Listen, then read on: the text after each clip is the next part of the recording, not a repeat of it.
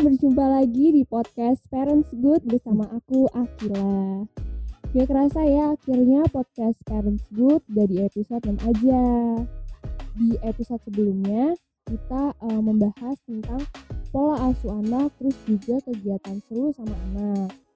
Di episode ini, kita berbicara mengenai orang tua. Pastinya merawat anak bukanlah hal yang gampang dong ada aja yang membuat orang tua tuh kesel, terus emosi sama anak kalau anaknya nggak nurut. Pas banget nih di episode ini kita akan mengulik seputar bagaimana mengelola emosi untuk orang tua. Sekarang aku udah bersama Mbak Prita, ya yaitu psikolog anak yang terhubung by Zoom nih. Hai Mbak Prita. Halo, selamat siang teman-teman semua. Halo. Selamat siang Akila. Iya Mbak. Oke nih Mbak. Uh, Oke, okay, jadi hari ini kita mau bahas apa nih? Tentang ini Mbak, uh, bagaimana sih orang tua tuh bisa mengontrol emosinya kepada anak? Oke, okay, uh, kalau bicara tentang mengontrol emosi ke anak, terutama mungkin uh, anak usia dini kali ya, yang satu uh, sampai enam tahun yang mungkin um, cukup menantang untuk kita bisa uh, handle gitu. Nah, uh, sebenarnya panjang banget pasti kalau mau kita bahas, tapi kalau mau disingkat ada beberapa hal yang perlu kita uh, lihat untuk uh, pada saat anak membuat kita marah gitu ya. Yang pertama, ketika uh, apa gini deh, saya coba pakai satu um, teknik ini dari Carol Vivian. Uh, beliau mm -hmm. seorang psikologis juga Nah, teknik ini akronimnya beliau mengakronimkan STOP. Jadi S-T-O-P-P gitu ya. Mm. S-nya yang pertama itu adalah stop. Jadi ketika misalnya nih anak e, menumpahkan sesuatu atau anak menolak untuk mandi, anak menolak untuk makan. Nah, mm. sebelum kita bereaksi, coba kita diem dulu gitu. S-nya stop. Nah, yang T-nya itu adalah take a breath. Jadi uh, meskipun nggak segampang teorinya ya, tapi coba kita tarik nafas dulu dalam-dalam. Kalau saya biasanya kalau udah nggak kuat lihat anaknya, coba uh, kita nggak usah lihat anaknya, atau coba kita pergi sebentar gitu ya, uh, menjauh sedikit mm-hmm. sambil kita uh, tarik nafas empat hitungan, tahan empat hitungan, terus keluarkan tujuh hitungan gitu. Jadi um, sambil kita mencoba O-nya, O-nya itu observe thought and feelings. Jadi kita melihat atau mengobservasi, menyadari apa yang kita rasakan, apa yang kita uh, pikirkan gitu. Hmm. Kayak uh, misalnya kayak sebagai contoh nih, misalnya baru banget tadi gitu ya, misalnya anak saya nggak mau tidur gitu. Hmm. Terus uh, dia malah mele apa mainan melempar Eh, nggak nggak nggak sengaja tapi dia mainan terus kelempar gitu salah satu mainannya padahal adiknya udah tidur. Nah hmm.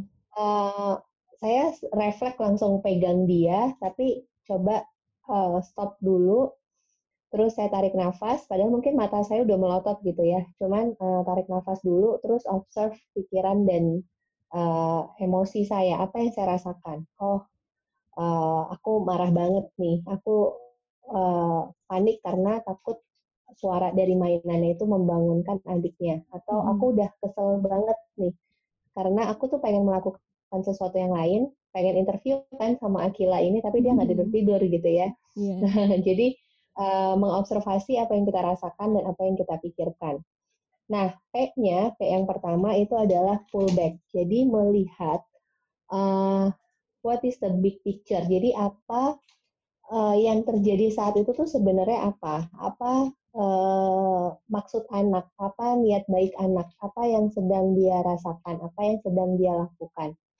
Mm-hmm. Jadi sambil saya pegang dia, sambil saya melotot gitu ya, tapi belum keluar kata apa-apa, saya ngelihat sebenarnya dia belum terlalu ngantuk mungkin. Terus yang kedua, uh, saya saya berusaha melihat dari kacamatanya dia, bukan kacamata saya gitu kacamata dia dia nggak berniat melempar barang itu dia cuma mainkan tapi terlempar sehingga menimbulkan bunyi yang cukup keras baru hmm. P yang terakhir adalah practice that works jadi practice that works ini kita baru setelah kita tadi stop, take a break, uh, observe dan lain-lain itu baru kita menentukan terus saya mau ngapain nih.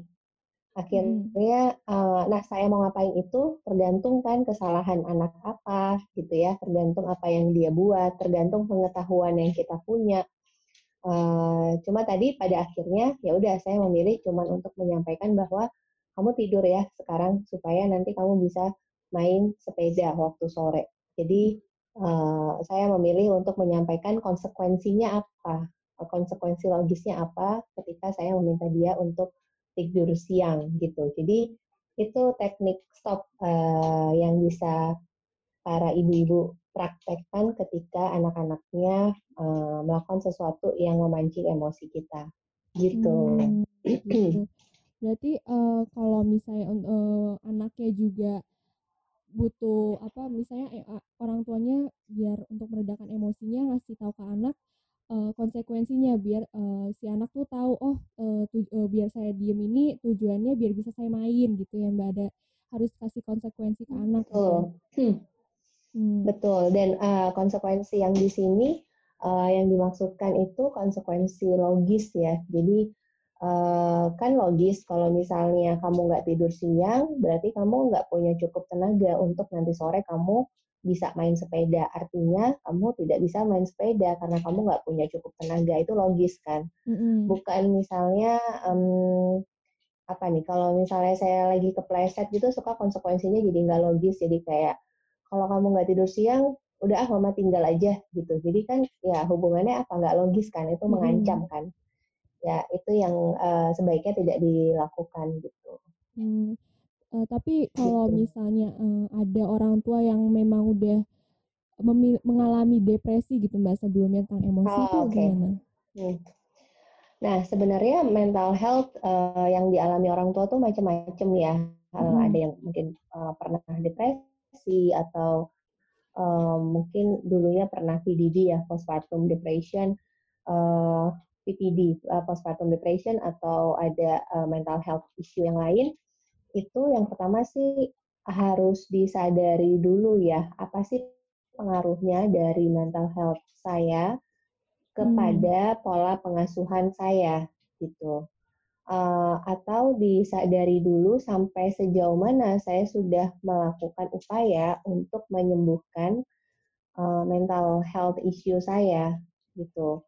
Hmm. Nah, contohnya begini, misalnya hmm, dari uh, satu kasus uh, pernah satu klien saya dia uh, ibu ini pernah mengalami postpartum depression sebelumnya mm-hmm. dan uh, menganggap bahwa uh, anak itu jadi beban gitu ya jadi beban jadi memberatkan dan dia menganggap uh, seperti kehilangan dirinya gitu karena adanya anak ini mm. nah kalau itu tidak uh, diselesaikan dengan tuntas gitu. Jadi uh, misalnya kayak anak nggak mau mandi misalnya, orang tua lain yang nggak punya mental health issue mungkin marahnya cuma dari 1 sampai 10 mungkin cuma 3 atau 4 gitu ya ngegasnya. Hmm. Tapi ibu ini mungkin akan sangat terganggu gitu ya. Jadi ngegasnya bisa uh, 7 atau 8 gitu. Jadi hmm.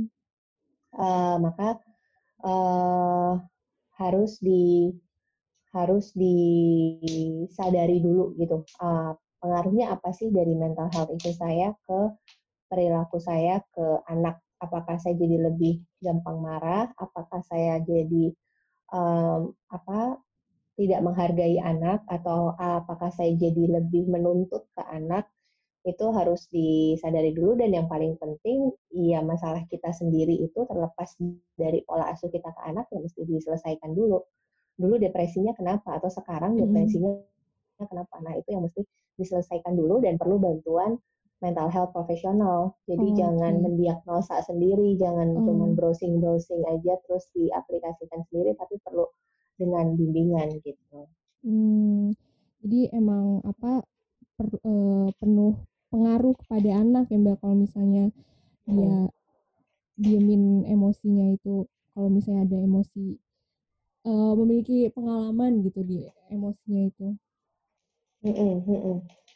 Iya, dan um, uh, satu yang penting ya, uh, kita um, tadi supaya kita, uh, kita punya atau tidak tentang mental health issue, kita perlu bisa menyampaikan perasaan kita ke anak gitu. Mm-hmm. Supaya uh, anak juga belajar melabel emosinya dia gitu. Mm. Jadi kalau misalnya kita memang sedang marah, uh, yang sehat adalah disampaikan aja labelnya.